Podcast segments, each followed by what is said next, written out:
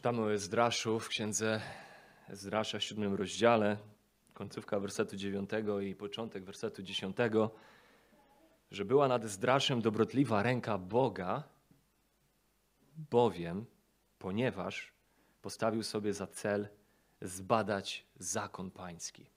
Nie tylko go zbadać oczywiście, ale dalej czytamy, wprowadzać go w czyn oraz nauczać w Izraelu jego postanowień i praw no nie przez przypadek to zbadanie, postanowienie, by badać zakon pański pojawia się jako pierwsze przed tym, jak on zaczyna to wprowadzać w czyn, a potem nauczać innych, bo żeby wprowadzać w czyn należycie Słowo Boże i by uczyć go innych, trzeba najpierw samemu je zbadać, zrozumieć. Widzimy to nie tylko u samego Ezdrasza, ale w zeszłym tygodniu Janek zwracał naszą uwagę na fragment z Nehemiasza ósmego rozdziału, Widzimy podobny przykład w całym zgromadzeniu izraelskim, kiedy to po powrocie z 70-letniego wygnania, kiedy to cały lud zgromadził się przed Ezdraszem i przełożonymi ludu, aby właśnie słuchać i zrozumieć słowo pańskie. Słowa pięcioksiągu. I tam czytamy, Ezdrasz otworzył księgę na oczach całego ludu, ale wici objaśniali ludowi prawo, podczas gdy lud pozostawał na miejscu. Czytano więc z tej księgi, księgi prawa Bożego, dobitnie, z dodaniem objaśnienia, tak że lud rozumiał czytanie. Potem widzimy, że w konsekwencji tego ich wsłuchiwania się w Słowo Boże i objaśniania tego słowa im ma miejsce duchowe przebudzenie w narodzie izraelskim. W Nowym Testamencie sprawa nie wygląda wcale inaczej. Kiedy Paweł żegna się wśród łez ze starszymi kościoła w Efezie, świadomy wielu zagrożeń, jakie przyjdą na nich jako na jego umiłowany kościół, przez niego umiłowany kościół, w wersecie 32 20 rozdziału dziejów apostolskich, dzieje apostolskie 20-32, mówi tak, a teraz powierzam was Bogu i słowu Jego łaski zdolnemu zbudować i dać dziedzictwo między wszystkimi uświęconymi. Powierzam was Bogu i słowu Jego łaski. To ono ma moc zachować was, budować was i dać wam dziedzictwo między wszystkimi uświęconymi. W ogóle, kiedy Łukasz opisuje wzrost Kościoła w dziejach apostolskich, to czyni to w kategoriach rośnięcia, umacniania się i rozpowszechniania Słowa Pańskiego. Dzieje 12:24 Słowo Boże rosło i rozszerzało się. Dzieje apostolskie 19:20, tak to potężnie rosło, umacniało się i rozpowszechniało słowo pańskie. Nic więc dziwnego, że u kresu swojego życia w ostatnich słowach napisanych do swojego umiłowanego ucznia Tymoteusza, Paweł wzywa go w tym ostatnim liście do niego, między innymi do tego, by, 2 Tymoteusza 2,15, starał się usilnie o to, aby mógł stanąć przed Bogiem jako wypróbowany, nienaganny pracownik, który wykłada należycie słowo prawdy. Tymoteusz ma należycie wykładać słowo prawdy. To słowo wykładać z greki oznacza dokładnie rozdzielać, równo dzielić, równo rozcinać, prosto ciąć. Słowo używane na przykład w kontekście krawiectwa kiedy materiał musiał być równo przecięty, tak by potem dwa równe kawałki mogły być odpowiednio ze sobą połączone szwem.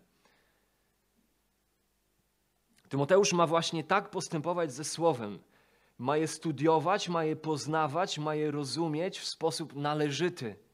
To znaczy, że Słowo można rozumieć nienależycie, nieprawidłowo. To znaczy, że można być studentem Słowa, ale złym, to znaczy, że nie wystarczy słowo studiować, ale trzeba studiować je należycie, poprawnie, właściwie. Co więcej, Tymoteusz ma się o to starać usilnie, pisze Paweł. Tutaj z kolei używa zwrotu odnoszącego się do spieszenia się, pośpiechu, ale pośpiechu w znaczeniu gorliwości, zapału, dążenia do czegoś. Nie mówi tutaj o pośpiechu, to nie jest zwrot oznaczający pośpiech w znaczeniu niedbalstwa, ale pośpiech, który jest wyrazem zamiłowania i żarliwości wobec obiektu, do którego jest mu spieszno. To jest pośpiech, który mówi: Oj, nie mogę się doczekać, aż będę mógł znać i rozumieć i wykonywać i nawet uczyć innych Słowa Bożego. Nie mogę się tego doczekać, więc przy najbliższej możliwości to właśnie tym się zajmę. To właśnie temu się oddam. No i oczywiście wydawałoby się, że jeżeli rozumiemy naturę tej księgi, o czym mówiliśmy wiele tygodni temu, o Biblii jako słowach Boga, jeżeli rozumiemy, że jest ona Bożym samoobjawieniem siebie dla nas, że jest przez Niego natchniona, że z tego względu jest nieomylna, że jest autorytatywna i jest wystarczalna i jest efektywna we wszystkich kwestiach, w jakich się wypowiada, no to mogłoby się wydawać to naturalnym, że ci, którzy w Boga wierzą, Bożymi ludźmi są, no to poznawaniu i rozumieniu tej księgi chcieliby się poświęcać, prawda? Wydawałoby się to naturalne. No otóż nie zawsze tak jest.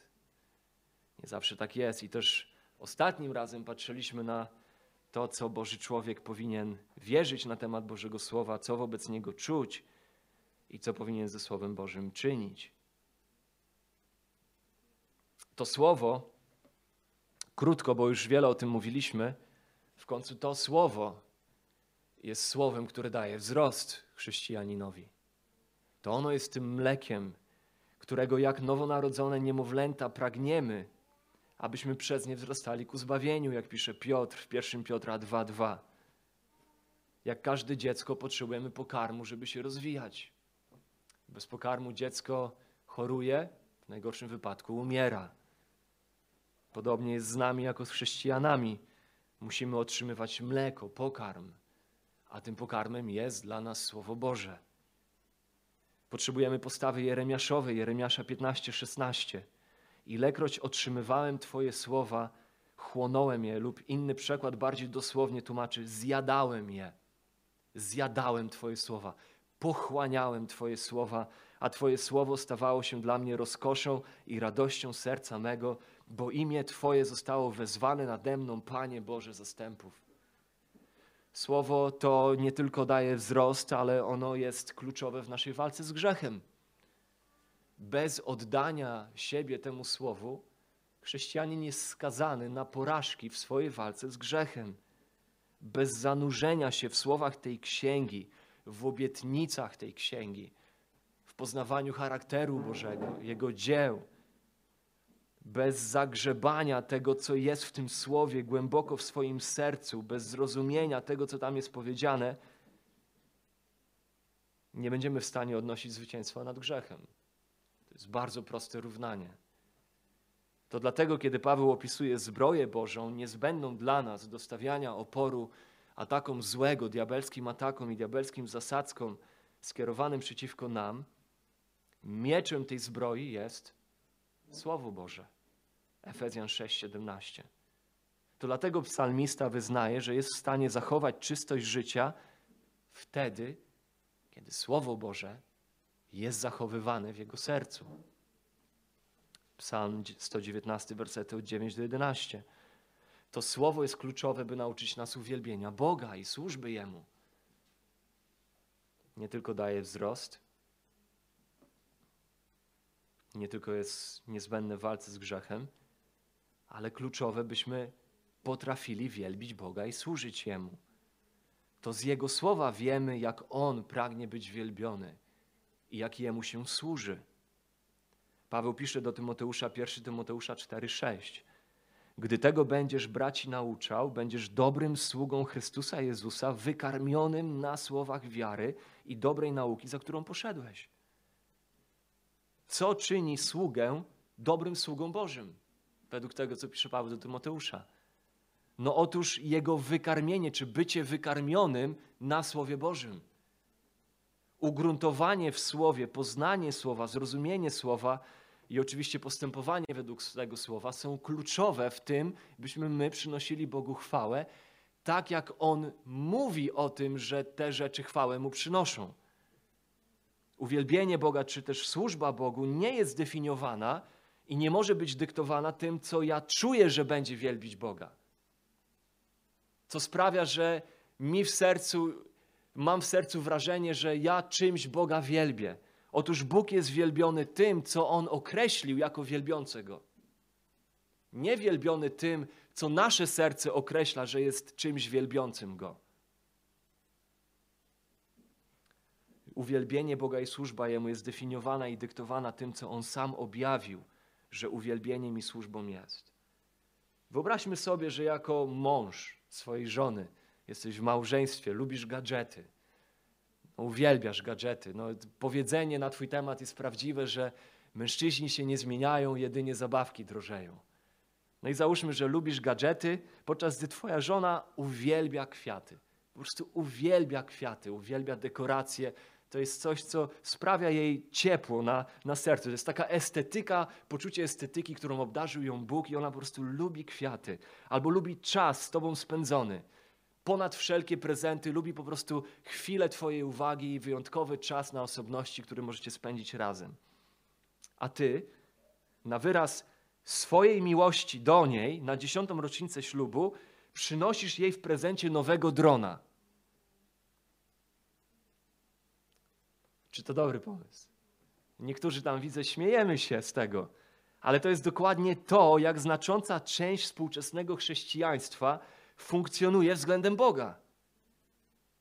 Ustanawiamy formy uwielbiania, ewangelizacji, służby, programów kościelnych na podstawie tego, co nam się podoba, a nie na podstawie tego, jak objawił się Bóg i co On powiedział sam o sobie, że Jemu się podoba i Jemu chwałę przynosi.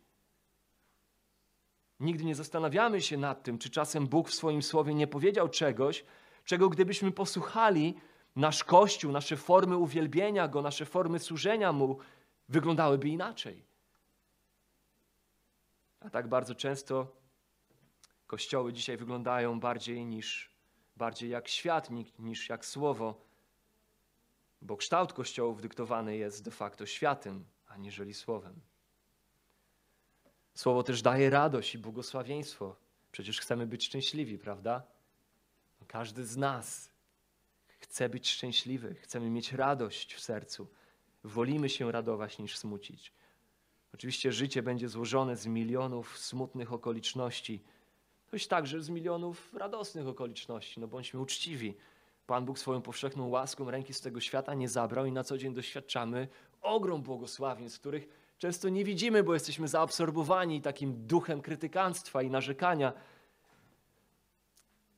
Pomijając to, że spotka nas mnóstwo smutnych okoliczności w życiu, dla człowieka, który poznaje, rozmyśla nad i polega na słowie, błogosławieństwo, szczęście i radość będą stawać się niezależne od okoliczności jego życia.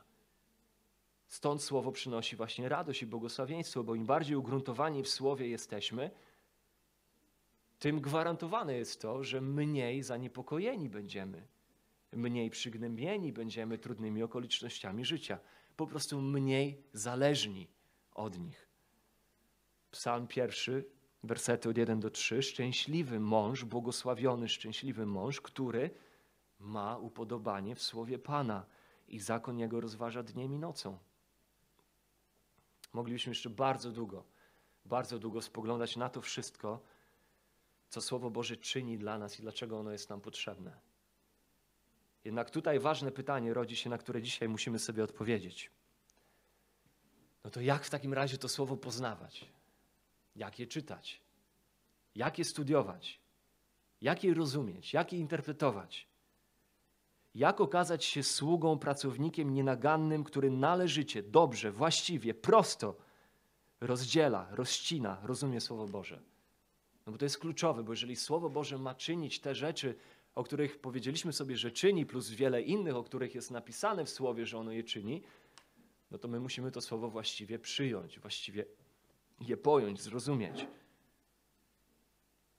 Widzimy, że założeniem tego wezwania, tego wezwania, by właściwie rozdzielać, rozcinać, rozumieć Słowo, należycie rozumieć, jest to, iż można Słowo rozumieć koślawo, w sposób wykrzywiony, nie oddający jego faktycznego przekazu. Więc dzisiaj kilka szybkich wskazówek, bo to temat studiowania Bożego Słowa to jest temat na cały rok, bez wątpienia, przynajmniej na cały rok. Ale dzisiaj takich kilka prostych wskazówek do tego, jak czytać, jak studiować, jak interpretować Słowo. Będzie ich dziesięć. Będzie ich dziesięć. Więc może nie kilka, bo może więcej niż zwykle, ale myślę, że przybrniemy przez nie w miarę szybko. Jak czytać, jak studiować, jak interpretować Słowo tak, by należycie je rozumieć. Po pierwsze, Pierwsza wskazówka. Zasada. Módl się. Jako student Bożego Słowa módl się. I to jest zasada, której nie da się podkreślić zbyt, zbyt mocno. W pierwszej chwili może się wydawać, co to ma wspólnego ze studiowaniem Słowa. Jak chcę otworzyć Biblię i chcę zacząć rozpatrywać, co jest napisane w tekście. No otóż tutaj zaczyna się przygotowanie. Przygotowanie zaczyna się w modlitwie. Zanim jeszcze zacznie się samo studiowanie tekstu, przygotowanie zaczyna się w czasie spędzonym z Bogiem. Jest to ta sfera, którą tak bardzo często ignorujemy. Szybko przeskakujemy, zwłaszcza mając wiele narzędzi do studiowania słowa, łatwo nam przeskoczyć do sięgania po te narzędzia, łapiąc się na tym, że modlitwa gdzieś tam spada dopiero na ostatni plan. Jest to ta sfera naszego życia z Bogiem, której ignorować nigdy nie powinniśmy. Zawsze się módlcie, uczy nas słowo. Bez przystanku się módlcie. W każdej modlitwie, o każdym czasie. To są zwroty stale przewijające się przez Słowo Boże. Jakuba 1,5. Jeśli komu z was brak mądrości, niech prosi Boga, który wszystkich obdarza chętnie i bez wypominania, a będzie mu dana. Jeśli weźmiemy pod uwagę, że autorem tego tekstu zawartego w tej księdze jest sam Bóg, to musimy nauczyć się wołać do Niego o zrozumienie tego, czego On jest autorem. Poprzedzajmy czas studiowania słowa czasem przebywania z Bogiem. Pamiętajmy, że jesteśmy zależni od Ducha Świętego w rozumieniu tego słowa w należyty sposób. Tutaj bardzo pomocny jest cytat Johna Owena. Wydaje mi się, że on trafia w sedno. Cytuję. Podjęcie się zadania interpretacji jakiegokolwiek fragmentu pisma bez wzywania Boga, by przez niego być pouczanym i przez jego ducha instruowanym, jest wielką prowokacją go. Nie oczekuję też, że odkryje prawdę ten, kto w sposób tak butny angażuje się w zadanie o wiele przewyższające jego możliwości. Więc módlmy się. Zawsze siadając do Słowa Bożego, wołajmy do Pana w modlitwach. Dwa. Zasada numer dwa. Porzucaj grzech. Porzucaj grzech. Znowu może się wydawać, co to ma wspólnego z rozkładaniem tekstu na części pierwszej i rozumieniu tego, co jest w Bożym Słowie. No otóż tutaj cenne są dla nas słowa Jakuba z listu Jakuba, pierwszego rozdziału, wersetu 21. Podobne słowa znajdujemy u Piotra, w pierwszym Piotra, w drugim rozdziale, wersety 1-2. Jakub pisze tak, Jakuba 1:21. W kontekście naszego stosunku wobec Słowa Bożego. Tak więc odrzućcie wszelki brud i nadmiar złości i przyjmijcie z łagodnością wszczepione w was słowo, które może zbawić dusze wasze. Jakub mówi tutaj o słowie, które jest zasiane w nas. Używa zwrotu zasiewu, zasiewu jakoby ziarna. No, kiedy spojrzy się na list Jakuba, no to Jakub bardzo często w swoim liście odnosi się szczególnie do kazania na górze, ale w ogóle wydaje się, że do Ewangelii Mateusza, do nauczania Jezusa. Tutaj wydaje się, że przywołuje tą analogię z przypowieści o siewcy, który wychodzi, aby siać ziarno, czyni zasiew, sieje ziarno, którym jest słowo. Słowo pada na różny grunt, znamy tą przypowieść jest w stanie wydać owoc, zbawić człowieka, ale w przypowieści widzimy, że czasami przeszkodą dla ziarna, dla ziarna słowa, by mogło ono wydać owoc, było to, że jest taka gleba, która tak jakby w pewnym sensie nie daje pełnego prawa temu ziarnu, ponieważ na tej glebie rosną inne rzeczy. Wiele innych tworów, chwastów, które kwitły, rosły, ziarno zostaje zaduszone Wydaje mi się, że to podobna rzecz, tutaj Jakub przywołuje podobną analogię. Podobna rzecz może mieć miejsce w naszym życiu. Jeśli mamy widzieć owoce Słowa Bożego w swoim życiu, musimy mieć radykalne podejście do grzechu, nielekceważące. Jeśli Słowo Boże ma rosnąć w naszym życiu, tak by wydawać jak najobfitszy owoc, nie możemy pozwolić, by jednocześnie obok Słowa obficie rozwijał się grzech jakoby to było w porządku. Znowu John Owen, chyba to był John Owen, tego nie sprawdziłem, tak mi się wydaje z mojej zawodnej pamięci, Powiedział, ta księga powstrzyma cię od grzechu, ale grzech powstrzyma cię od tej księgi. On będzie zaburzał Twoją umiejętność rozumienia, poznania tego słowa. To, czego potrzeba studentowi Bożego Słowa, aby rozumiał je właściwie, to trwałe opamiętywanie się z grzechu. To wrażliwość na grzech. Nie mówimy tutaj o doskonałości. Mówimy tutaj o postawie, która po prostu grzech rozpoznaje jako grzech i opamiętuje się z niego, rozprawia się z grzechem po Bożemu, aby pozwolić słowu kwitnąć, rozwijać się. Wyznaje grzech. Więc ważnym elementem studiowania słowa jest to, by przed każdym czytaniem, kiedy siadam do Bożego Słowa, czy to jest krótki czas, czy dłuższy czas studiowania go, by poświęcić jakąś chwilę w tym czasie przygotowania się w modlitwie, także na wyznawanie swoich grzechów, na przygotowanie się do przyjmowania tego słowa, na staranne przygotowanie, które robi miejsce temu słowu, które wyrywa chwasty ze swojego serca i ze swojego życia, które Bogu chwały nie przynoszą.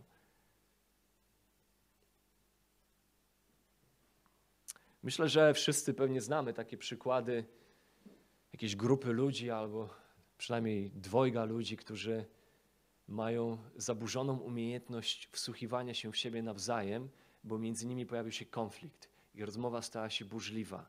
I nagle są nastawieni wobec siebie agresywnie, ich relacja jest zaburzona, i nagle jedna strona nie jest w stanie wsłuchać się w to, co mówi druga strona, i druga strona nie jest w stanie usłyszeć tego, co mówi pierwsza strona.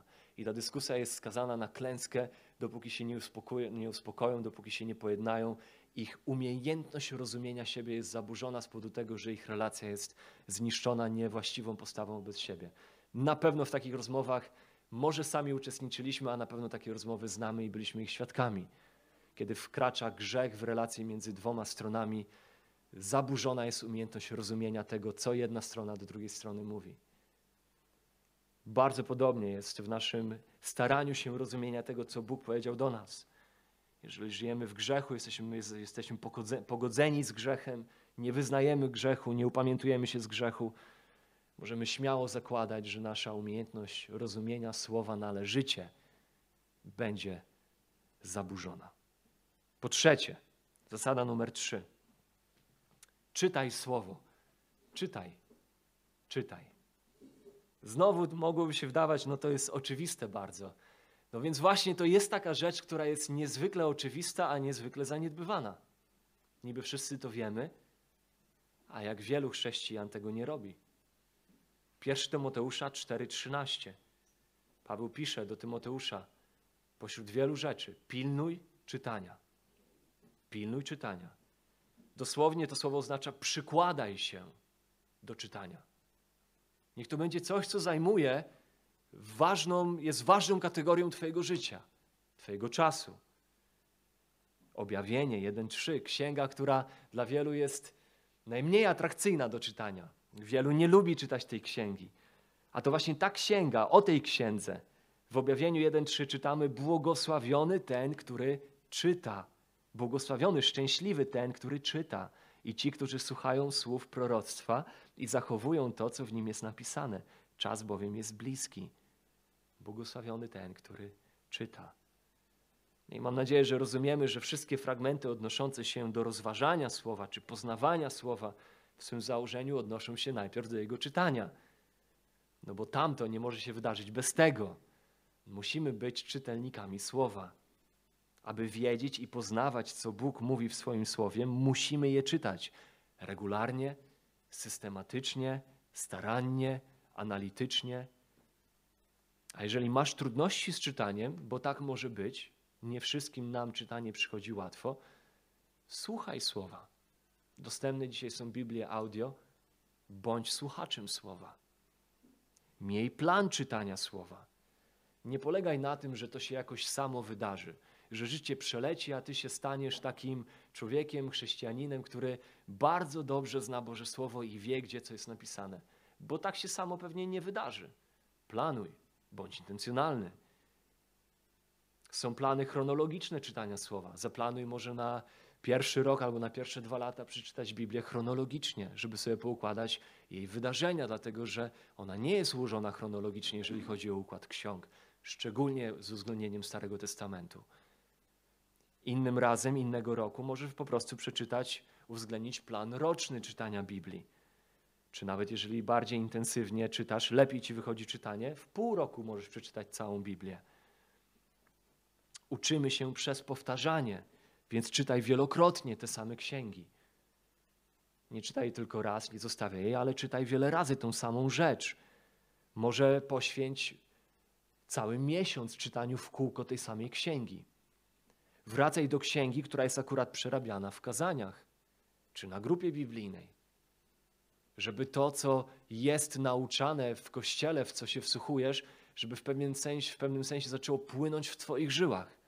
Żebyś wiedział dokładnie, o czym mówi kaznodzieja, o czym mówi nauczyciel, o czym mówi pastor. Ciekawe, jak nigdy nie ucząc się listu Pawła do Efezjan na pamięć, nigdy nie uczyłem się go na pamięć, ciekawe jest to, jak niemalże znam go na pamięć. Znam go na pamięć, dlatego że spędziłem w nim wiele czasu, powtarzając treść tego listu w swoim sercu, w swoim umyśle, w swoim czytaniu. Tak to po prostu działa. Uczymy się przez powtarzanie. Czytając, zaznaczaj. Notuj z boku, albo gdzieś w notysiku, albo na marginesie swojej Biblii, jeżeli jest miejsce. Notuj pytania, notuj przemyślenia, uwagi. Rób strzałki, która myśl łączy się z jaką myślą. Jeżeli słuchasz jakiegoś nauczania, jesteś na kazaniu, jest jakiś fragment wykładany, notuj sobie, zaznaczaj, rysuj kreskami, strzałkami. Jeżeli jesteś podobny chociaż trochę do mnie, to łatwiej tobie będzie wtedy pamiętać, gdzie co było. Jeżeli wizualnie czytasz Biblię. Ja akurat wizualnie zapamiętuję, gdzie co jest, dlatego przez lata, chociaż ten przekład Biblii, Biblii Warszawskiej, tak naprawdę z polskich przykładów jest jednym z przykładów, który podoba mi się najmniej, no to nie mogę się od niego oderwać, bo po prostu jestem przyzwyczajony do układu tekstu, który jest w tej Biblii. Ja po prostu w tej Biblii wiem, gdzie co jest. Ja wiem, że dany werset jest w tym miejscu, po tej stronie, tyle od góry, czy tyle od dołu, i tak dalej, i tak dalej. A im więcej zaznaczamy, im więcej sobie rysujemy, im więcej gdzieś tam szkicujemy, im więcej podkreślamy, tym łatwiej będzie nam potem pamiętać, gdzie co w Biblii było. Ale musimy Biblię czytać. Musimy ją czytać. Jakąż smutną anomalią jest chrześcijanin, który nigdy nie przeczytał słowa od Boga, który ciągle przez lata wraca do swoich ulubionych ksiąg, którego kiedy zapytasz po wielu latach, co on teraz czyta w Biblii, on zawsze tobie odpowiada, a ostatnio czytam psalmy. I on całe życie czyta psalmy.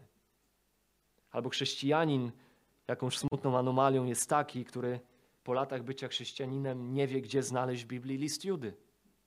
Nie potrafi się odnaleźć. Albo kiedy usłyszy otwórzmy na księdze Malachiasza, mimo że jest chrześcijaninem 7 lat, zastanawia się, to jest taka księga w Biblii?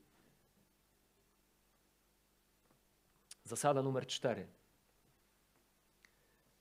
Opieraj się na tekście, a nie na sobie. Opieraj się na tekście, tekście Słowa Bożego, a nie na sobie. Żyjemy w czasach, kiedy to w kościołach przyjmuje się przeróżne i przedziwne interpretacje Biblii, interpretacje wersetów biblijnych, ponieważ ludzie są przekonani, że każdy ma prawo do swojej interpretacji. Co dany tekst znaczy dla mnie? Innymi słowy, znaczenie tekstu w pojęciu wielu chrześcijan dzisiaj, znaczenie tekstu biblijnego spoczywa nie w tekście, ale w sercu i wokół czytelnika. I to on, czytelnik, student Bożego Słowa, to on decyduje, co tekst znaczy dla niego. Bo właśnie najważniejszym pytaniem w studiowaniu Bożego Słowa jest, co ten werset znaczy dla mnie. I musimy pamiętać, że Biblia jest słowami Boga. Jest Jego przesłaniem dla ludzi i że jeżeli Bóg przemówił przez słowa tej księgi do ludzi, to przemówił w taki sposób, by Jego przesłanie było przez nas rozumiane, a nie byśmy wciskali swoje pomysły w tekst biblijny na podstawie tego, co nasze oko i nasze serce nam dyktuje. Bóg przemówił do nas przez treść, przez tekst księgi, i znaczenie jego przesłania jest zawarte w tym tekście. Jest taki żart o grupie ludzi, która została poddana testowi na inteligencję z wykorzystaniem takiego kuferka dla dzieci. E, może słyszeliście ten żart. Są takie kuferki, gdzie dziecko musi powkładać klocki o odpowiednich kształtach do odpowiednich otworów. Trójkąt do trójkąta, kółko do kółka. Znamy, na pewno to widzieliśmy w różnych formach, tą zabawkę. Jest pewien żart o teście, który na inteligencję był zrobiony dla pewnej wybranej grupy ludzi i podsumowanie tego testu brzmiało tak. 20% wykazało się inteligencją, 80% wykazało się niezwykłą siłą. I wydaje mi się, że niestety tak często jest z nami, z chrześcijanami. Wykazujemy się niezwykłą siłą. Jesteśmy w stanie wcisnąć niesamowite pomysły w miejsca, w których ich tam nie ma. Wciskamy to, co jest w naszym sercu i w naszym oku, w teksty i fragmenty Słowa Bożego, które wcale o tym nie mówią. Nie możemy sobie na to pozwolić. Przeciwieństwie do takiej postawy musimy nauczyć się dochodzić do zrozumienia tego, co nazywamy intencją autora. Ta księga ma autora i tym autorem nie jestem ja i nie jesteś ty. Autorem tej księgi jest Bóg, który wykorzystał ludzi natchnionych swoim duchem do spisania jego objawienia. I musimy zawsze zadawać, zadawać sobie podstawowe pytanie, co jest intencją autora danego tekstu. Jeśli tego byśmy nie robili na co dzień w naszych relacjach codziennych między ludźmi, w naszym odczytywaniu rzeczywistości, to wszelka komunikacja ludzka staje się wręcz niemożliwa. My wiemy, że my musimy polegać na odczytywaniu intencji autora w naszej codzienności, w naszym oglądaniu wiadomości, w naszym odbieraniu telefonów, w naszych rozmowach z ludźmi, na zakupach, kiedy rozmawiamy z panią w kasie, żeby nam coś podała z półki. My wiemy, że wszystko opiera się na odczytywaniu intencji autora. I dzieje się coś dziwnego, kiedy przechodzimy do tekstu biblijnego. Tak jakby ta, ta sprawa, ta zasada odczytywania intencji autora spada na bok i nagle wchodzimy w jakieś takie dziwne, mistyczne, transcendentalne pojmowanie tekstu biblijnego, że nagle intencja jest nieważna, analizowanie tekstu jest nieważne, bo to jest sprawa duchowa i nagle wsłuchujemy się w głos własnych serc, tak jakby to tam, tam znajdowało się przesłanie tego tekstu, w naszych sercach.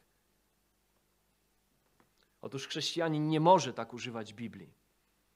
Komunikacja opiera się na założeniu, że ten, który mówi, ma coś do przekazania i używa języka, by nim przekazać swój zamysł. I chrześcijanin nie może używać Biblii tak jak pijak używa latarni, czyli jedynie jako podpórki. Mam swoje myśli, mam swoje przekonania, a teraz jedynie znajdę w Biblii wersety, które posłużą jako podpórka dla moich myśli i dla moich przekonań. Interpretacja, nasze wnioski muszą opierać się na intencji autora, a nie na intencji czy na odczuciach czytelnika. I z tego względu, że istnieje pewnego rodzaju przepaść między nami a tekstem biblijnym, musimy włożyć niemały wysiłek, by zrozumieć intencję autora. To nie jest lekkie zadanie. To jest ciężka praca. Jeżeli mamy rozumieć, co mówi tekst biblijny, musimy poświęcić się pracy nad tym tekstem, szczególnie biorąc pod uwagę tę przepaść, która znajduje się między nami a tym tekstem Biblii. Jesteśmy odsunięci od autorów biblijnych o dwa tysiące lat i więcej, zarówno językowo, jak i historycznie, jak i kulturowo, jak i geopolitycznie. I kontekst tego tekstu, który znajdujemy w Biblii, jest zupełnie inny niż nasz. I to oczywiście stanowi dla nas pewną trudność. Bardzo często nie chce nam się, chcemy od razu przeskoczyć do tego, co dzisiaj. Jesteśmy nakręceni na to, by słowo inspirowało, by słowo dotykało serca, bez wkładania trudu w zrozumienie, co ono faktycznie mówi. Co w tym słowie ma dotknąć serca? Jaka prawda tam jest przekazana przez autora, którą autor chce, by dotykała mojego serca? No to, to zazwyczaj chcemy przeskoczyć. I stąd bierze się masa przedziwnych interpretacji.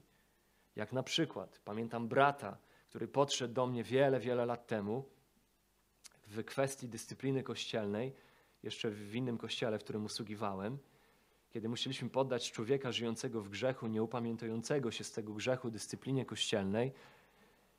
I on wtedy podszedł i się powołał na wersy z Mateusza 7, mówiąc, tam jest napisane, nie sądźcie. I dla mnie ten werset znaczy, że my nie mamy prawa tej, tej osoby sądzić. My nie mamy prawa. Jakie my mamy prawo, żeby ją z kościoła wykluczyć? No, ten fragment nie sądźcie. Może mógł znaczyć to dla tego brata, który miał wątpliwości co do dyscypliny kościelnej. Pytanie, czy to samo znaczył dla autora. No, jeżeli spojrzymy w tekst Mateusza 7, to widzimy, że wezwanie, by nie sądzić, jest wezwaniem, by nie sądzić obłudnie, a nie by nie sądzić w ogóle, ale by nie sądzić obłudnie, by nie być tym, który sądzi, a tak naprawdę jest winien tej samej rzeczy albo i większej. To jest znaczenie tamtych słów. Albo fragment, gdzie dwóch lub trzech się gromadzi, tam ja jestem pośród nich. Bardzo często fragment używany w kontekście takiej niechęci do zorganizowanego kościoła. Wielokrotnie słyszałem używany ten fragment w kontekście niechęci do zorganizowanych kościołów. Kościół jest organizmem, a nie organizacją. Nie potrzeba żadnej instytucji, nie potrzeba żadnych autorytetów w kościele, nie potrzeba starszych. Wystarczy, że my w domu się spotkamy w dwóch albo w trzech i to już jest Kościół, bo Chrystus tam jest pośród nas. I tak naprawdę to jest najlepszy model Kościoła, żeby ludzie po prostu w małych grupkach, w domach się spotykali, nie brali pod uwagę wszystkiego innego, co Biblia mówi o tym, co powinno być kształtem Kościoła, szkieletem Kościoła, ale po prostu tam, gdzie jest dwóch lub trzech, tam jest Chrystus, więc tak powinny wyglądać kościoły. No, otóż ten fragment, chociaż może znaczyć to dla osoby, która to mówi, to dla autora tego fragmentu znaczy to, że gdzie dwóch lub trzech podejmuje decyzję, by poddać kogoś dyscyplinie kościelnej, mamy tam fragment o dyscyplinie kościelnej Mateusza 18 i o przyniesieniu tej sprawy Kościołowi, to jest to rzecz, w której Chrystus jest obecny. To jest rzecz, którą On popiera. Gdzie dwóch lub trzech świadków, widząc brata żyjącego w, w nieupamiętaniu, który nie reaguje na prywatne upomnienia, kiedy dwóch lub trzech napomina go, on dalej nie reaguje i tych dwóch lub trzech spotyka się i mówią, tą sprawę trzeba przynieść Kościołowi, Chrystus mówi, ja tam jestem pośród nich. To jest rzecz, która jest moją zasadą, która mi się podoba. Nakarmienie pięciu tysięcy, pamiętam, słyszałem kazanie z, historią o nakarmieniu pięciu tysięcy o tym, jak organizować duże zgromadzenia. Jak tam pamiętamy w, tym, w tej historii o nakarmieniu 5 tysięcy, ta grupa ludzi, ten tłum jest rozdzielony na małe grupy i małym grupom jest rozdzielany pokarm. I pamiętam, słyszałem kazanie o ważności małych grup w życiu Kościoła, o tym, jak organizować życie dużych zgromadzeń. Podczas gdy ten fragment jest o pasterzu. Oto ten, który przychodzi jako dobry pasterz, o którym mówił Ezechiel w swoich proroctwach że przyjdzie i zgromadzi owce Izraela. Oto ten, który spojrzał na lud jak na owce bez pasterza i zaczął uczyć je i karmić je. Pamiętajmy, że dany tekst znaczy to, co znaczył wtedy, kiedy został napisany, a nie znaczy to, co ja chcę, by on znaczył. Oczywiście w interpretacji pisma musi pojawić się pytanie, co dany fragment znaczy w odniesieniu do mnie dzisiaj. To jest bardzo ważne pytanie, ale ono zawsze musi być poprzedzone odpowiedzią na pytanie, co ten fragment znaczył pierwotnie. Bo właściwa odpowiedź na pytanie, co ten fragment znaczy w odniesieniu do mnie dzisiaj, jest zależna od prawidłowej odpowiedzi na pytanie, co on znaczył pierwotnie. Inaczej stąpam po bardzo kruchym gruncie poddawania tekstu biblijnego pod dyktando moich własnych mądrości, moich własnych intuicji. I tutaj pomocnym narzędziem może okazać się dobra Biblia z notatkami, dobry przekład Biblii, Biblia, która jest bardziej dosłowna aniżeli literacka. E, na przykład takim literackim przekładem, bardzo literackim, wręcz parafrazą Nowego Testamentu w języku polskim jest taka zielona, zielony Nowy Testament, się nazywa chyba Słowo Życia. Jest bardzo sparafrazowane. To prawdopodobnie nie jest dobra Biblia do studiowania tekstu biblijnego, Najlepiej poszukać takiej Biblii, która jest najbliższa, najbardziej dosłownie oddaje tekst oryginalny. Dobrze jest się posiłkować Biblią z notatkami, przypisami, jakimś komentarzem czy przeglądem Biblii. Tutaj bardzo pomocny jest przegląd Biblii Johna MacArthur'a, który został wydany po polsku. Bardzo pomocne są tam wprowadzenia do tego, kto jest autorem, kiedy to zostało napisane, w jakich okolicznościach. W języku angielskim, jeżeli ktoś operuje językiem angielskim, funkcjonuje wiele narzędzi darmowych. Biblia Net, przekład tak zwany Net Bible, 60 tysięcy przypisów w tej Biblii, za darmo dostępnych językowych, odnoszących się do języków oryginalnych, których autorem między innymi jest Daniel Wallace, jeden z, z największych autorytetów, jeżeli chodzi o językoznawstwo, szczególnie greki. Zasada numer 5. Zwracaj uwagę na kontekst. Zwracaj uwagę na kontekst. Pamiętaj, że znaczenie tekstu leży w tekście, a nie w tobie, i zwracaj uwagę na kontekst. Czytanie i studiowanie Biblii musi mieć miejsce z uwzględnieniem kontekstu danego fragmentu, który czytam, danej prawdy. Samo poznanie kontekstu, w którym się znajduje dana myśl, już często rozwiązuje problem. Już często jest wystarczające, by zrozumieć intencję autora czy przesłanie tego fragmentu. Podam przykład. Co znaczy stwierdzenie nie wierzę? Co znaczy stwierdzenie nie wierzę? Oczywiście to zależy. To zależy. Okłamałeś mnie już kilka razy i tobie już nie wierzę. Albo o nie, tylko nie wierzę, powiedział szachista, który właśnie stracił figurę w wyniku ruchu przeciwnika. Albo zwiedzaliśmy nie wierzę, ale basztę. W każdym przypadku zwrot nie wierzę oznacza coś innego. Dlatego kontekst determinuje znaczenie. Największą wagę w interpretacji należy przypisać najbliższemu kontekstowi danej myśli.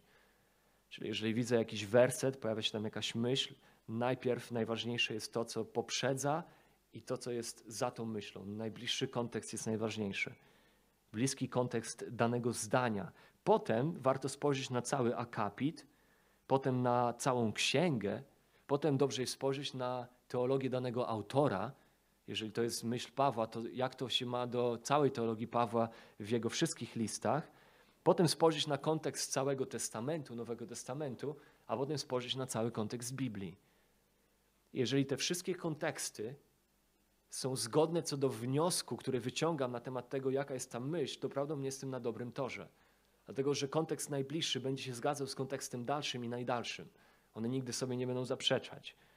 I każde, każdy okrąg, w pewnym sensie okrąg tego kontekstu będzie nam pomagał tak naprawdę zrozumieć intencję autora i myśl zawartą w tekście biblijnym. Na przykład kontekst Jakuba pomaga nam zrozumieć, dlaczego Jakub kładzie taki nacisk na uczynki w swoim liście. Podczas gdy kontekst Pawła, jego pism, jego teologii pomaga nam zrozumieć nacisk na łaskę. I nagle się okazuje, że Jakub i Paweł wcale sobie nie zaprzeczają, tak jak na przykład twierdził to Luter, któremu się list Jakuba tak nie podobał, że chciał go z kanonu wywalić. Tutaj zrozumienie kontekstu pomaga nam zrozumieć, jak te dwie myśli się uzupełniają, a nie sobie zaprzeczają. Zbyt często ludzie próbują interpretować sam werset w izolacji, nie patrząc na kontekst. Rozważmy na przykład klasyczny taki przypadek. Filipian 4:13, klasyk ale warto go po raz kolejny przypomnieć. W Filipian 4:13 jest napisane: Wszystko mogę w tym, który mnie wzmacnia w Chrystusie. Fragment bardzo często używany jako inspirowanie ludzi do działania, motywowanie ich do tego, by realizowali swoje marzenia. Nawet jeżeli to by oznaczało podejmowanie się rzeczy bardzo trudnych, to jeżeli coś kochają i Bóg położył im to na sercu, to Chrystus ich wzmocni i pomoże im odnieść sukces. Bo wszystko mogę w tym, który mnie wzmacnia w Chrystusie. Wystarczy jednak spojrzeć na najbliższy kontekst tego fragmentu. Filipian 4:13, werset 11. A nie mówię tego z powodu niedostatku, bo nauczyłem się przestawać na tym, co mam. Umiem się ograniczyć, umiem też żyć w obfitości. Wszędzie i we wszystkim jestem wyćwiczony. Umiem być nasycony, jak i głód cierpieć, obfitować i znosić niedostatek. I wystarczy spojrzeć tylko na dwa wersety wyżej, by zobaczyć, że Paweł nie mówi o wszystkim w sensie czymkolwiek, nie mówi, że cokolwiek mogę w tym, który mnie wzmacnia w Chrystusie, ale mówi o wszystkim w sensie znoszenia różnych kategorii okoliczności w swoim życiu. Mówi o tym, że nauczył się być w głodzie, nauczył się żyć w cierpieniu, nauczył się żyć w niedostatku, jak i nauczył się żyć też i w dostatku, i w obfitości, ponieważ w każdej okoliczności Chrystus jest tym, który go wzmacnia i daje mu wytrwałość. Chrystus nie jest tym, który zawsze głód zamienia na obfitość. Nie o tym mówi Paweł. Tylko Chrystus jest tym, który w głodzie pozwala Pawłowi wytrwać, ponieważ on jest tym, który go wzmacnia. I dalej, kiedy spojrzymy na dalszy kontekst Filipian, to dalszy kontekst Filipian pokazuje, że Paweł pisze ten list skąd? Pisze go z więzienia. Co więcej, ludzie o złych intencjach dokładają mu jeszcze cierpień. I jeszcze na dodatek są to bracia w Chrystusie. Są to inni wierzący ludzie, którzy z powodu swojej zawiści dokładają mu cierpień, a on w tym wszystkim mówi w pierwszym rozdziale: W Jezusie uda mi się uwolnić z tych więzów, bo w Jezusie wszystko mogę. No otóż nie. On tak nie mówi. On mówi: W Jezusie jestem w stanie przeżywać to, co mi się przytrafiło, w sposób przynoszący Bogu chwałę. Nawet jeżeli miałbym pozostać do końca w tym stanie, to ja się raduję w Panu. Bo Bóg będzie uwielbiony, czy to przez więzy, czy przez wolność. Wszystko mogę w tym, który mnie wzmacnia w Chrystusie.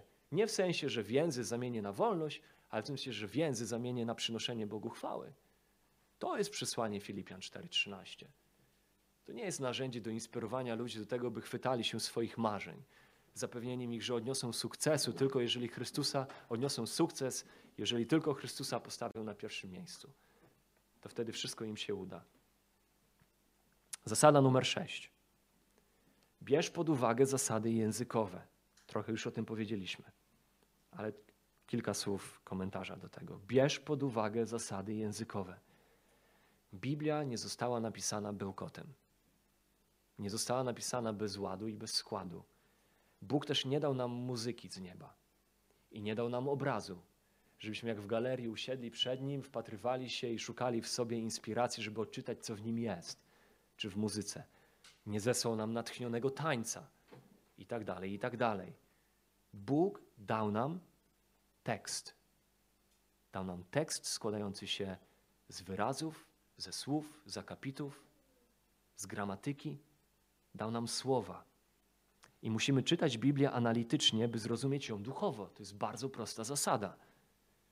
Musimy czytać i studiować Biblię technicznie, by wiedzieć, co ona mówi do naszego życia duchowo. Oczywiście, że studiowanie Biblii to coś więcej niż jej analiza. Czytanie Biblii to coś więcej niż jedynie techniczne podejście do niej. Oczywiście, że tak, ale nigdy coś mniej. Nigdy nasze studiowanie Biblii nie powinno być czymś mniej niż analizowanie tego, co zawarte jest w jej tekście. Jakie w danym tekście powtarzają się słowa? Co te słowa oznaczają? Dlaczego takiej, a nie innej frazy używa autor w danym miejscu? W którym momencie historii, narracji następuje zwrot akcji? Jakie główne postacie występują? Czy bardzo ważne pytanie, jakiej formy literackiej używa autor w danym miejscu? Bardzo ważne pytanie, jeżeli chodzi o zwracanie uwagi na zasady językowe. I bardzo często takie studiowanie Biblii oskarżane jest o to, że jest nieduchowe.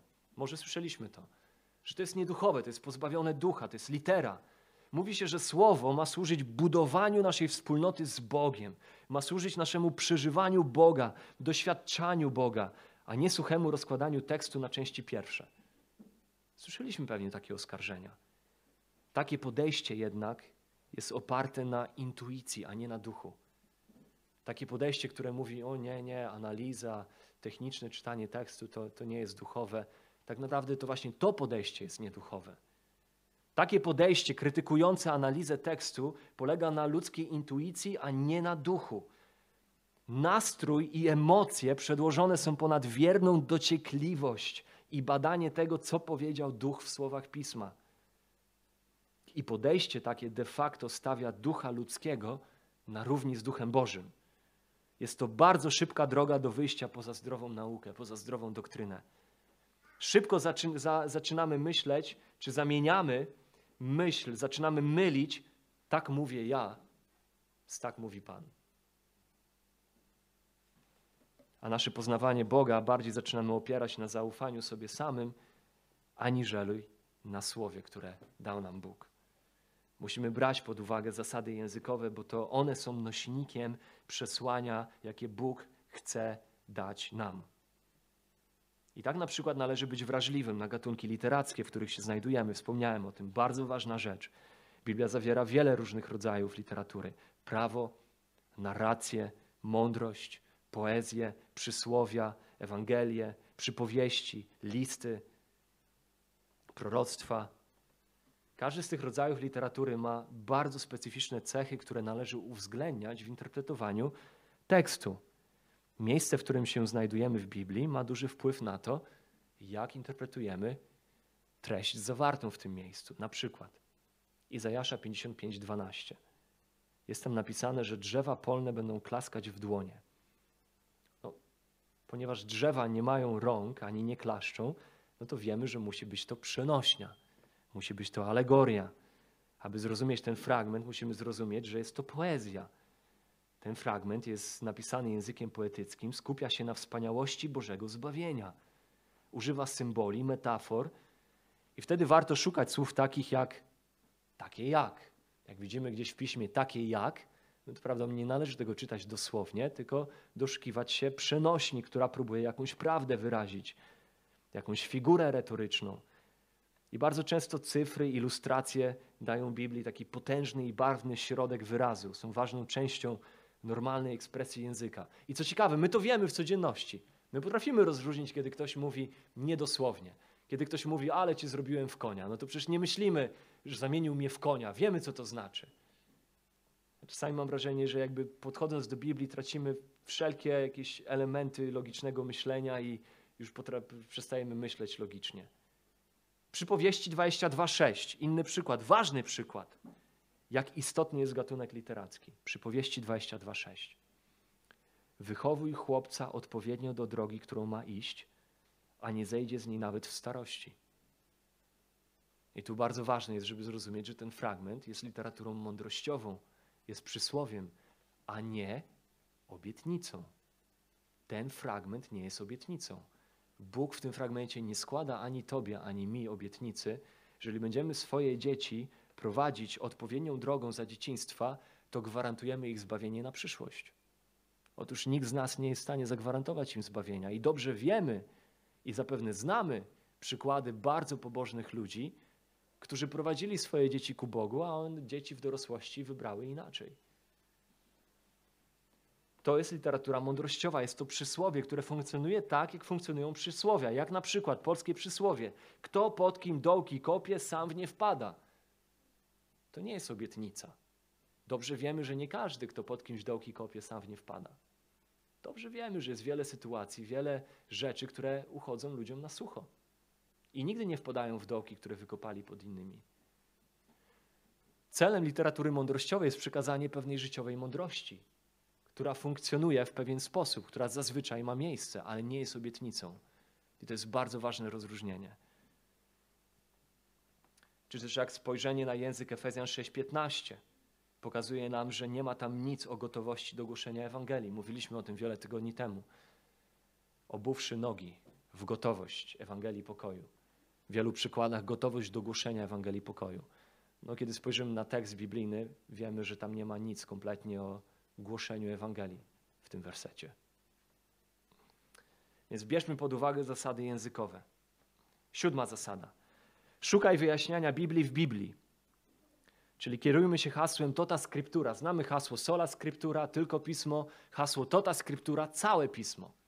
Kierujemy się zasadą całe pismo. Musimy pozwolić, by Biblia wyjaśniała Biblię, szczególnie kiedy chodzi o trudniejsze fragmenty, to te trudniejsze fragmenty powinniśmy interpretować w świetle fragmentów, które jasno wyrażają się o danej prawdzie. Nazywamy to prawem niesprzeczności. Biblia nie będzie sobie nigdzie zaprzeczać. Na przykład istnieją bardzo wyraźne fragmenty, które nauczają doktryny wiecznego bezpieczeństwa Bożych dzieci. Że jak ktoś jest Bożym dzieckiem, to jest bezpieczny na wieki. Jeżeli ktoś jest naprawdę zbawiony, to nie może stracić zbawienia. Ewangelia Jana, 5 rozdział, Jana 10, o pasterzu, który nie zgubi żadnej ze swoich owiec, nic nie wydrze owcy z jego ręki. Rzymian 8, złoty łańcuch zbawienia. tych, których poznał przed założeniem świata jeszcze, tych też wybrał i tych usprawiedliwił i tych też uświęcił i tych też uwielbił. Niektóre fragmenty Biblii są bardzo trudne do zinterpretowania w kontekście bezpieczeństwa chrześcijanina, wiecznego bezpieczeństwa. Jak Hebrajczyków 6, wersety 4 do 6. Jest to fragment, który ma wiele niejasności, wiele trudności. I tutaj właśnie w świetle Hebrajczyków 6, czy biorąc pod uwagę Hebrajczyków 6, powinniśmy pozwolić na to, aby ogólna, jasna i wyraźna teologia Biblii w innych miejscach wpłynęła na moje przekonanie o tym, co mówi list do Hebrajczyków 6, który tak jasny i prosty nie jest, tylko jest bardziej złożony. Ósma zasada. Odróżniaj interpretację od zastosowania. Odróżniaj interpretację od zastosowania tekstu. Interpretacja tekstu zawsze istnieje jedna. To, co tekst znaczy, ma tylko jedno wyjaśnienie właściwe. Mogą być trzy różne zdania na ten temat, ale wszyscy mogą być w błędzie, ale jeden tylko może mieć rację, jeżeli ktoś ma rację. To tak bardzo, jak istnieje jedna interpretacja, która jest dosłowna, gramatyczno-historyczna, no to istnieje wiele zastosowań, które można przenieść do naszego współczesnego kontekstu. A nawet więcej, trzeba przenieść. Słowo jest aktualne dzisiaj i Bóg dał je nam, żeby ono kształtowało nasze życie. Tutaj ważne jest, by w danym fragmencie zidentyfikować ponadczasową zasadę i odróżnić ją od zastosowania danej zasady. I tak na przykład historia z Jana 12, 1 do 11, historia o namaszczeniu stóp Jezusa drogocennym olejkiem, uczy nas ponadczasowej zasady. Jakiej ponadczasowej zasady? No nie takiej, że wszyscy powinniśmy olejkiem służyć Jezusowi czy swoje stopy namaszczać, ale uczy nas ponadczasowej zasady, że Jezus jest godzien naszego uwielbienia, jest godzien naszego poświęcenia i naszego zaangażowania, nawet jeśli by to oznaczało ofiarowanie czegoś, co jest drogocenne dla nas. To Jezus jest godzien tego. To jest ponadczasowa zasada historii z Jana 12, 1 do 11. Podczas gdy wylanie olejku na stopy Jezusa jest po prostu zastosowaniem tej ponadczasowej zasady w przypadku Marii tam, wtedy, w tym miejscu, w tamtym czasie, dwa tysiące lat temu w domu w Betanii, Maria zastosowała tę zasadę poprzez wylanie drogocennego olejku na stopy Jezusa. To zastosowanie tej zasady dzisiaj może wyglądać inaczej w moim życiu i w Twoim życiu. Co więcej, w Twoim życiu ono może wyglądać inaczej dzisiaj, a inaczej za tydzień. Zastosowań tej zasady może być wiele. Podobnie dzieje apostolskie są głównie relacją historyczną o rozgłaszaniu Jezusa o realizowaniu się nakazu misyjnego poprzez pomnażanie kościołów. O tym są dzieje apostolskie. Są historią, są narracją, są opisem. I tak na przykład wzmianki o tym, że Kościół spotykał się po domach, jest relacją o zastosowaniu ponadczasowej zasady, by ludzie Boży gromadzili się, by byli razem, by mieli wszystko wspólne, by nie opuszczali wspólnych zebrań, jak to u niektórych jest zwyczaju to jest ponadczasowa zasada widoczna w dziejach apostolskich. Ci ludzie byli oddani sobie nawzajem. Także spotykali się regularnie po domach. To jest ponadczasowa zasada, by Boży ludzie byli razem, by nie opuszczali wspólnych spotkań. Natomiast zastosowaniem tej zasady jest to, że oni spotykali się po domach. Ponadczasową zasadą nie jest, że Kościół ma się spotykać po domach. To nie jest ponadczasowa zasada, że jedynym biblijnym modelem Kościoła to jest Kościół domowy. To nie jest ponadczas, to jest jedynie zastosowanie tej zasady wtedy, które może wyglądać dzisiaj tak samo, ale nie musi, może wyglądać też inaczej. Zasadą jest natomiast to, by Kościół się spotykał, gromadził i był razem. Dziewięć. Miej na uwadze różnicę pomiędzy Izraelem a Kościołem, pomiędzy Starym Przymierzem a Nowym Przymierzem. Różnicę pomiędzy Izraelem i Kościołem, i Starym Przymierzem i Nowym Przymierzem. Musimy być wrażliwi na rozróżnianie pomiędzy Izraelem a Kościołem oraz erami, czy wymaganiami, czy zasadami Starego i Nowego Przymierza. Obietnice złożone Izraelowi w Starym Testamencie nie mogą być automatycznie przenoszone na Kościół, którego my jesteśmy częścią dzisiaj. Na przykład obietnice dotyczące ziemi zostały dane Abrahamowi i jego potomkom i tak też były przez nich rozumiane. I nie powinny być nagle uduchawiane i przenoszone na nas, bo one nie były dla nas. Ale to, to więc to nie obejmuje nas, chrześcijan, tej ery Kościoła. Chrześcijanie nie podlegają wymaganiom prawa mojżeszowego. Rzymian 6:14. Na przykład w Księdze Kapłańskiej 19:19 19 jest taki nakaz. Nie wolno ci nosić szaty z dwóch różnych tkanin. No dzisiaj już wszyscy jesteśmy winni złamania tego przykazania. No, może wszyscy, nie, nie spojrzałem dokładnie. Był to wiążący nakaz pod zakonem mojżeszowym dla narodu izraelskiego, który był częścią prawa, które było wiążące pod Starym Przymierzem, które swego rodzaju było konstytucją dla narodu izraelskiego, jako dla narodu Bożego. To nie jest coś, co jest, pod czym my dzisiaj jesteśmy jako lud nowego przymierza. Oczywiście prawdą jest, że pewne starotestamentowe nakazy powtórzone są w Nowym Przymierzu. Powtarzają się w Nowym Testamencie i z tego względu nadal obowiązują. Ale wyraźnie widać to po ich właśnie powtórzeniu. Kościół został utworzony dopiero w dziejach apostolskich, w drugim rozdziale, wraz ze wstąpieniem Ducha Świętego. I najbardziej bezpośrednie wypowiedzi do Kościoła, czy też prawo Chrystusowe dla Kościoła jest prawem objawionym w Nowym Testamencie dla tegoż to Kościoła, którego fundamentem jest przesłanie apostołów i proroków, nie prawo starotestamentowe. Czytamy w Rzymian 11, że także istnieje przyszłość narodowego Izraela, w której wiele obietnic Starego Testamentu jeszcze zostanie spełnionych, czy dopiero zostanie spełnionych. Więc musimy umieć rozgraniczać te dwie rzeczy. I zasada ostatnia, zasada numer 10, ucz się od innych. Ucz się od innych.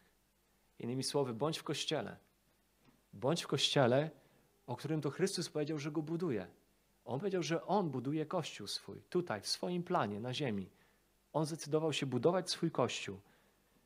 Kościół nazwany jest nie bez powodu filarem i podwaliną prawdy. Kościół nie jest źródłem prawdy, ale jest tym ustanowionym narzędziem przez Boga, które wynosi prawdę na wierzch, uwypukla tę prawdę. Z tego względu, jak to w Efezjan 4, 11, 12 jest napisane, bo to Kościół Chrystus zdecydował się obdarować pasterzami, nauczycielami, którzy przez Niego obdarowani są do tego, by wyposażać świętych do dzieła posługiwania. posługiwania. Więc bądź w Kościele. Poddaj się autorytetowi tych, których Pan Bóg obdarował i powołał do służby pasterzy nauczycieli. Nie bądź dla siebie sam i statkiem, i sterem, i sternikiem, i wiatrem, i żaglem, tylko bądź poddany w pokorze nauczaniu innych, nauczaniu Kościoła. Ucz się od innych. Wieź pod uwagę to, że to jest ustanowiony przez Boga porządek, by ustanawiać w Kościele różne funkcje, tak by ciało Chrystusowe było wyposażone do tego, by wzrastać w poznawaniu Słowa, w poznawaniu Pana, by z kolei móc dążyć do doskonałości, męskiej doskonałości, jak pisze Paweł, nie będąc miotanym przez byle powiew błędu. Oczywiście wiemy, że żaden z nauczycieli nie jest nieomylny. Nie twierdzimy, że Kościół jest nieomylny. To jednak potrzebujemy ducha uczenia się od tych, których Bóg dla nas ustanowił, jak i od tych, którzy byli też i nawet przed nami. Hebrajczyków 13:7.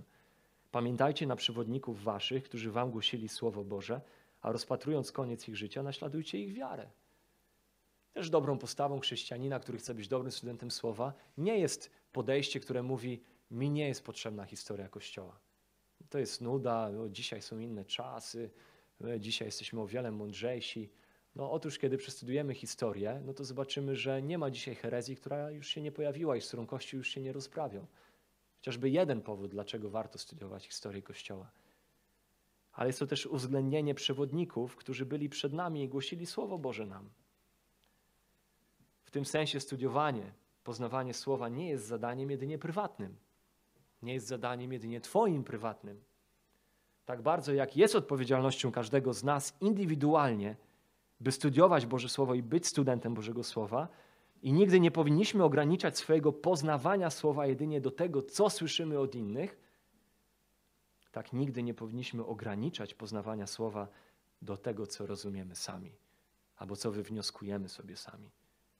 Tak bardzo jak bycie w kościele pod regularnym nauczaniem Słowa Bożego nie jest zastępnikiem dla osobistego poznania Słowa, tak nie jest też czymś, z czego chrześcijanin może zrezygnować, stając się sam dla siebie ostateczną wyrocznią wyroków Bożych. Więc bądź w kościele, bądź jego członkiem, bądź na nabożeństwach, bądź w grupie biblijnej. Poddaj się nauczaniu, poddaj się dyscyplinie pasterzy nauczycieli. Pochylmy głowy w modlitwie.